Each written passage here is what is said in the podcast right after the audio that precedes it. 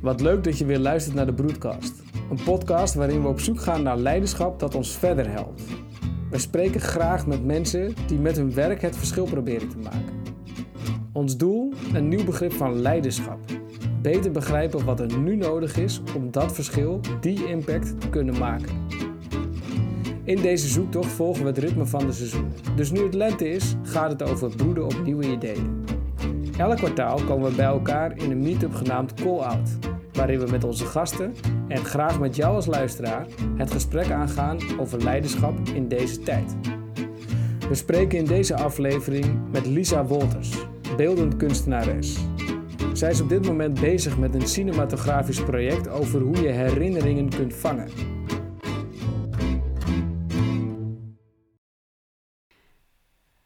Nou Marcel, daar zijn we weer. Hallo. Hey Coco, wat een gesprek hadden we vorige week hè? Zo, wat een gesprek, ja. Nou, we hebben vorige week ehm, een heel mooi uitgebreid gesprek met Lisa Wolters, beeldend kunstenaar, gehad. En uh, nou zijn we op zoek geweest naar waar zit Lisa nou op te broeden. Nou ja, dit hele gesprek dat leidde tot eigenlijk een ontzettend lang en mooi gesprek, waarvan we hebben moeten concluderen dat de podcast niet de mooiste manier is om dat gesprek uh, met jullie te delen. Dus uh, we zijn tot een nieuwe vorm gekomen. Ik was op een gegeven moment in het gesprek, na al haar voorbeelden en de manier waarop ze dat doet, helemaal kwijt dat we in een podcast zaten. En uh, uiteindelijk liep dat gesprek ook over alle regels van de podcast heen. Maar goed, daar hebben wij ook in te leren, ik zeker. Maar we hebben er wel iets moois op bedacht.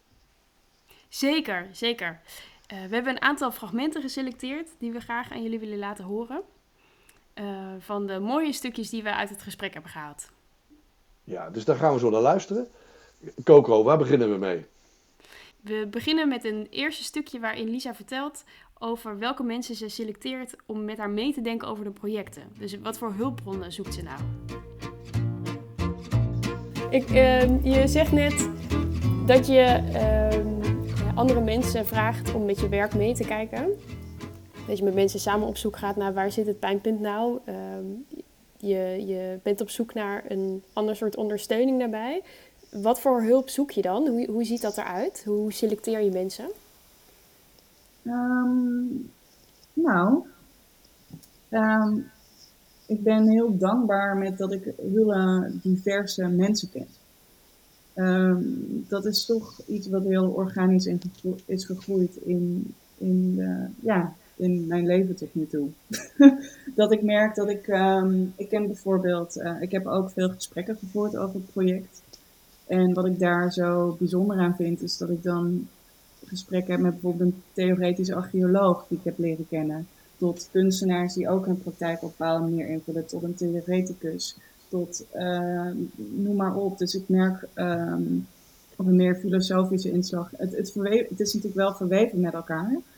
Maar ik merk um, dat ik van tevoren heel goed naga bij mezelf wat ik van iemand vraag. Want um, je intentie helder hebben, volgens mij is dat heel belangrijk als je iets gaat doen. Dan kan alles nog anders lopen. Maar als ik bewust ben van waarom ik uh, denk dat iemand van waarde is in mijn project, of al is dat in de vorm ook van een gesprek, uh, dat is ook een bijdrage. Dus ik probeer altijd echt na te gaan van, nou, wat is een soort divers palet waar ik nu behoefte aan heb, qua feedback bijvoorbeeld. En op dit moment met het bekijken van de edits uh, zijn het um, bijvoorbeeld een vriend van mij is filmregisseur. Ik vind het heel interessant om met hem te hebben over cinematische vertaling van die herinneringen. Hij geeft weer hele andere feedback dan een andere vriendin van mij die zelf een, een scriptie heeft geschreven over de rol van het geheugen. Uh, meer gefocust op metafysica um, en meer theoretische inslag. En dan zijn er nog bijvoorbeeld mensen die mijn hoofd heel goed kennen en uh, waarvan ik het heel prettig vind dat zij kunnen meekijken in mijn proces daarin. En dat ik dat andersom bijvoorbeeld ook weer voor hun doe.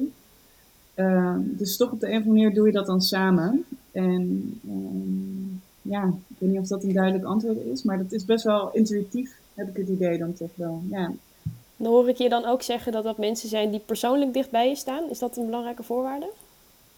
Ik denk met dit project op dit moment deels wel echt. Maar ik heb ook bijvoorbeeld een kunstenaar wiens werk ik gewoon ontzettend goed vind. En door dat ik heb hem echt gevraagd op basis van zijn werk en waar hij zich ook mee bezighoudt om een keer over dit project te hebben. Uh, wij zijn verder geen vrienden, maar hij was er zo enthousiast over dat hij ook op een gegeven moment vaker bleef inchecken van hoe gaat het daar nu mee? En weet je, dat krijg je natuurlijk ook als, als je iets raakt bij elkaar. En hij is nu wel ook een van de mensen die dat stuurt, terwijl ik voor de rest geen contact met hem heb of uh, wat dan ook. Dus het is, um, het is een beetje een mix wel. Ja, ik denk dat dat ook per proces heel anders is. Maar voor nu, dit project gaat zo naar mijn hart. Al mijn werk, maar dit is zo, zo persoonlijk. Dat het, uh, en ik vraag wel mensen waarvan ik ook het gevoel heb uh, dat het, uh, dat zij ook een soort, ehm, nou ja, je kan niet volledige objectiviteit sowieso nooit hebben, maar dat zij ook wel um, met een soort afstand ernaar kunnen kijken, met een gezonde afstand. Ja.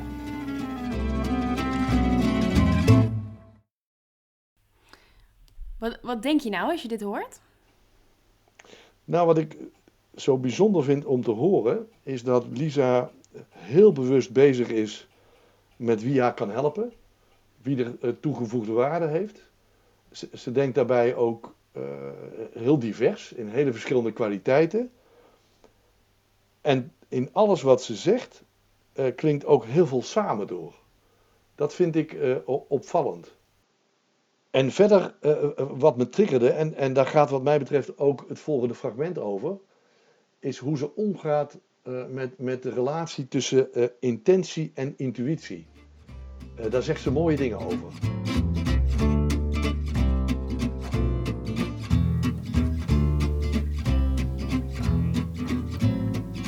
Lisa, je, je had het net over, je moet je intentie helder hebben.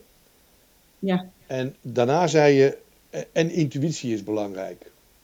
Ja. En hoe zie je die twee aan elkaar gekoppeld? Um, goeie vraag. Nou, laat ik vooropstellen dat ik denk dat bij mij mijn intuïtie altijd heel leidend is geweest. Ik ben ook heel, uh, ik ben ook weer heel analytisch, dus ik kan ook wel heel erg, uh, uh, ja, alles vervolgens heel erg uit willen denken en um, dus er zit een soort gekke. Voor mij zit er wel een balans in, maar ik heb al lang nagedacht over hoe, hoe kunnen die twee eigenlijk samengaan. Terwijl dat gaat volgens mij best wel goed. Um, maar een intentie voelt voor mij ook iets wat je intuïtief helder kan krijgen. Dus dat je kan nagaan, um, bijvoorbeeld met dit project in, uh, specifiek, daar heb ik echt wel lang op zitten broeden. Uh, voordat ik het serieus nam van, oh wacht, dit is echt iets, bijvoorbeeld. Um, het begon eigenlijk met dat ik heel vaak merkte dat als ik uh, rond was aan het lopen, het was aan het dwalen, um, en ik zag dan iets wat me raakte, dat ik het heel vaak niet kon vastleggen zoals ik het me, zoals ik zou willen. Dus dat ik bijvoorbeeld in een bus zat en al heel snel eraan voorbij geef. Of dat ik snel het had gefilmd met mijn telefoon. Um, terwijl als je dan terugkijkt, er zoveel ruis is dat er eigenlijk niks overblijft van de herinnering, van het moment. Dus ik ben na gaan denken over manieren om, um, om dat wel op te kunnen slaan. Dus ik ben begonnen met die herinneringen op te schrijven, die momenten vast te leggen uh, als een soort groeiende database. En daar had ik op een gegeven moment zoveel van, dat ik ook, ik had iedere keer dan, dan kon ik ook weer even op adem komen voor mijn gevoel, want dan had ik het in ieder geval opgeschreven. En dan is het. En haal je, haal je dan daar de intentie uit? Dus, dus hoe werkt dat met jou met die intentie? Dat, dat, die doet iets, hè? Die, ja, ik heb, dat, is wel, dat is wel de basis gaan vormen voor dat ik uh, heel duidelijk in die schriftelijke uh, herinneringen, om het even zo te noemen, um, dat ik heel duidelijk daaruit kon filteren wat me daar dan precies in had geraakt. En dat is ook een soort intentie stellen. Dat je op een gegeven moment merkt van oké, er gebeurt hier iets wat heel belangrijk voor mij is, wat mij heel verbonden laat voelen, wat me even een heel levendig gevoel geeft. Uh, dat, dat wil ik bewaren. Dus uh, dat werd een soort kern van waar ik wilde dat, daar moest ik iets mee doen. Dat was een soort noodzaak. En uh, dat is het nog steeds. en um, ik denk dat ik vanuit daaruit ben gaan denken: oké, maar wat, wat wil ik dan gaan bereiken? Wat, wat wil ik dat dit project gaat doen? Of wat wil ik zichtbaar maken? En dat soort vragen, dat maakt nog duidelijker wat dan je intentie is met iets. Dus die, die intentie die komt tevoorschijn uit jouw indrukken, uit je aantekeningen, uit je observaties? Ja, dat denk ik wel. Ja. En, en je hebt ook al tegelijkertijd een, uh, ja, je hebt een manier van kijken naar de wereld en naar hoe je de dingen opslaat. En iedereen is daar ook heel anders in. En uh, ook een beetje het idee van twee mensen lopen in dezelfde straat en ze zien allebei totaal verschillende dingen. Um, net als dat als ik met mijn zus over herinneringen praat, dat zij ja, bij heel veel dingen denkt, nou dat, dat is echt anders gegaan of ik kan me dat totaal niet meer herinneren of wat dan ook. En ik denk uh, dat het voor mij een soort levenswerk is geworden om uh, manieren te vinden om uh, ja, hetgeen wat je raakt, waarmee je verbonden voelt, om dat zichtbaar te maken op verschillende manieren. En dat ook dus in samenwerking met anderen te doen. En dat begint ook weer te groeien. Dus die intentie uh, met het project, die heeft gewoon meerdere lagen. En die ben ik dus aan het uitzoeken van oké, maar uh, wanneer komt dat dan samen en wanneer niet? En hoe werkt het dan en wanneer niet? En, en hij verandert ook een beetje, maar de basis blijft hetzelfde.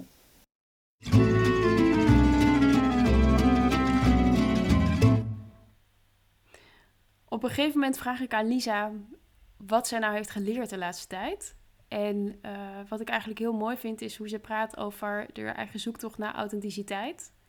Wat, me daarin raakte was, um, volgens mij herkennen we dat allemaal, dat je op verschillende momenten in je leven sterk moet zijn en tegelijkertijd kwetsbaar moet zijn. Uh, om open te kunnen staan voor mooie indrukken in je leven, om te kunnen groeien, om verder te kunnen komen. En zij haalt daar een quote van Brene Brown aan, um, waarin ze het heeft over soft front, hard back en wild heart. En daar zegt Lisa het volgende over.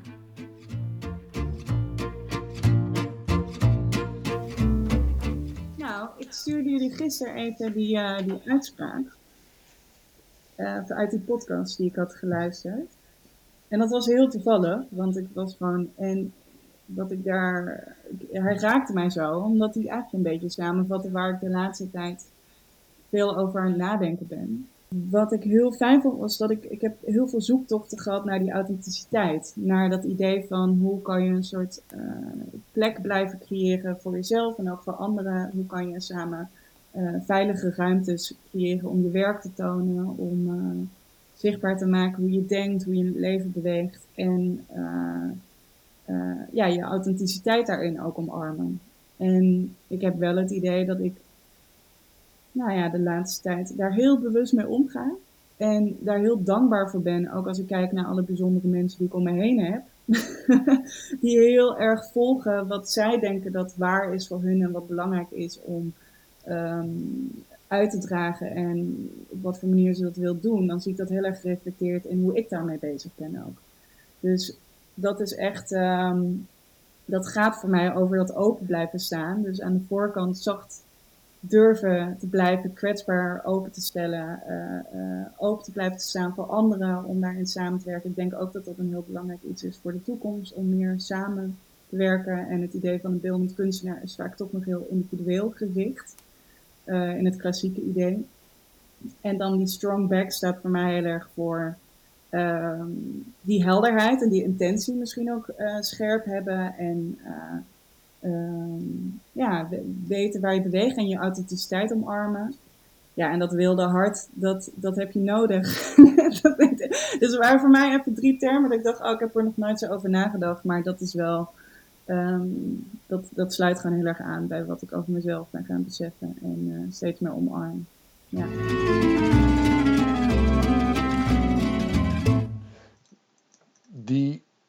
Quote van Brené Brown, uh, die uh, Lisa gebruikte, vond ik uh, heel erg treffend. Brené Brown is natuurlijk een hele bekende in de organisatie- en managementwereld. Vanwege alle publicaties, TED-talks, die gaan over de moed hebben om kwetsbaar te zijn. en de moed hebben om niet te weten.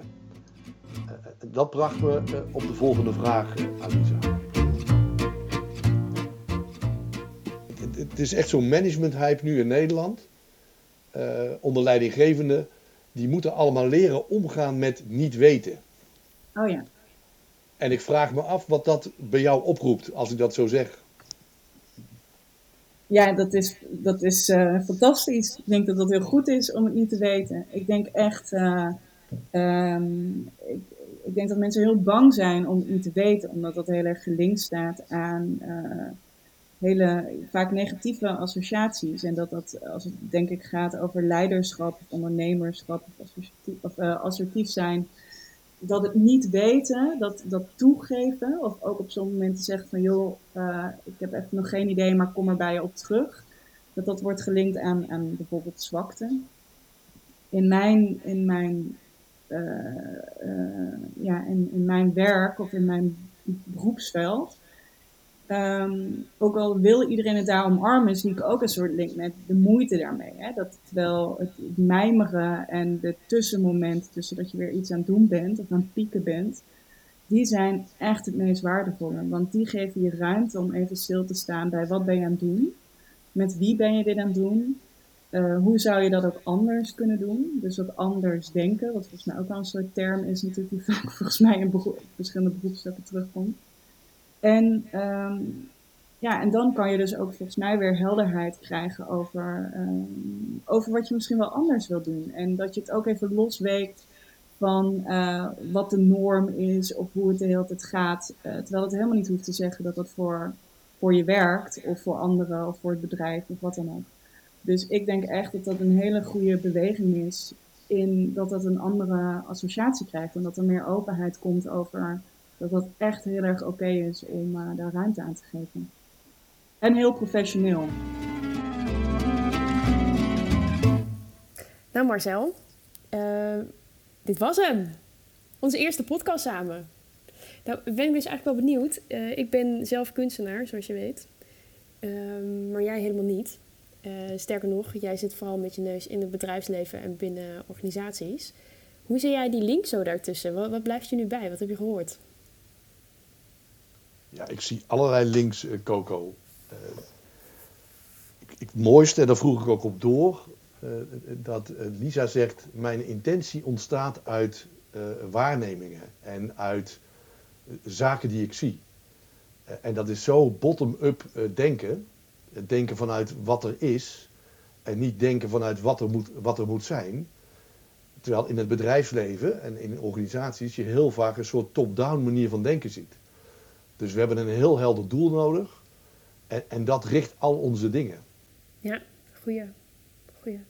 Ik vind het dus ook heel fijn om te horen dat ze spreekt vanuit haar kunstenaarschap, maar ook uh, um, van wie zij is als mens. Die twee liggen heel dicht bij elkaar. Dat, um, ik denk dat, dat dat is wat ik in ieder geval binnen organisaties zie. Uh, waar soms nog wat winst te halen is dat je echt naar de mensen kan kijken en vanuit de mensen kan spreken en niet ja. vanuit je professie hoeft te spreken. Ja, en, en um, wat je ziet is zij, uh, ja, het is heel puur. En, en ze doet het uh, met zichzelf.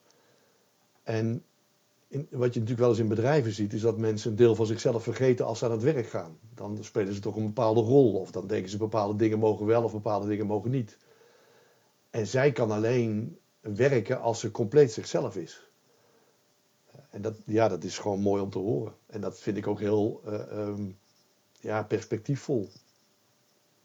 Wat ik ook uh, opvallend vind, uh, Coco, is dat eigenlijk hoe ze beschrijft dat ze samenwerkt, dat zijn ook de samen, samenwerkingsregels, ja, regels, zou je kunnen zeggen, die ook elders gelden. Dus openstaan, hulpvragen stellen, weten wat je wel kan, wat je niet kan.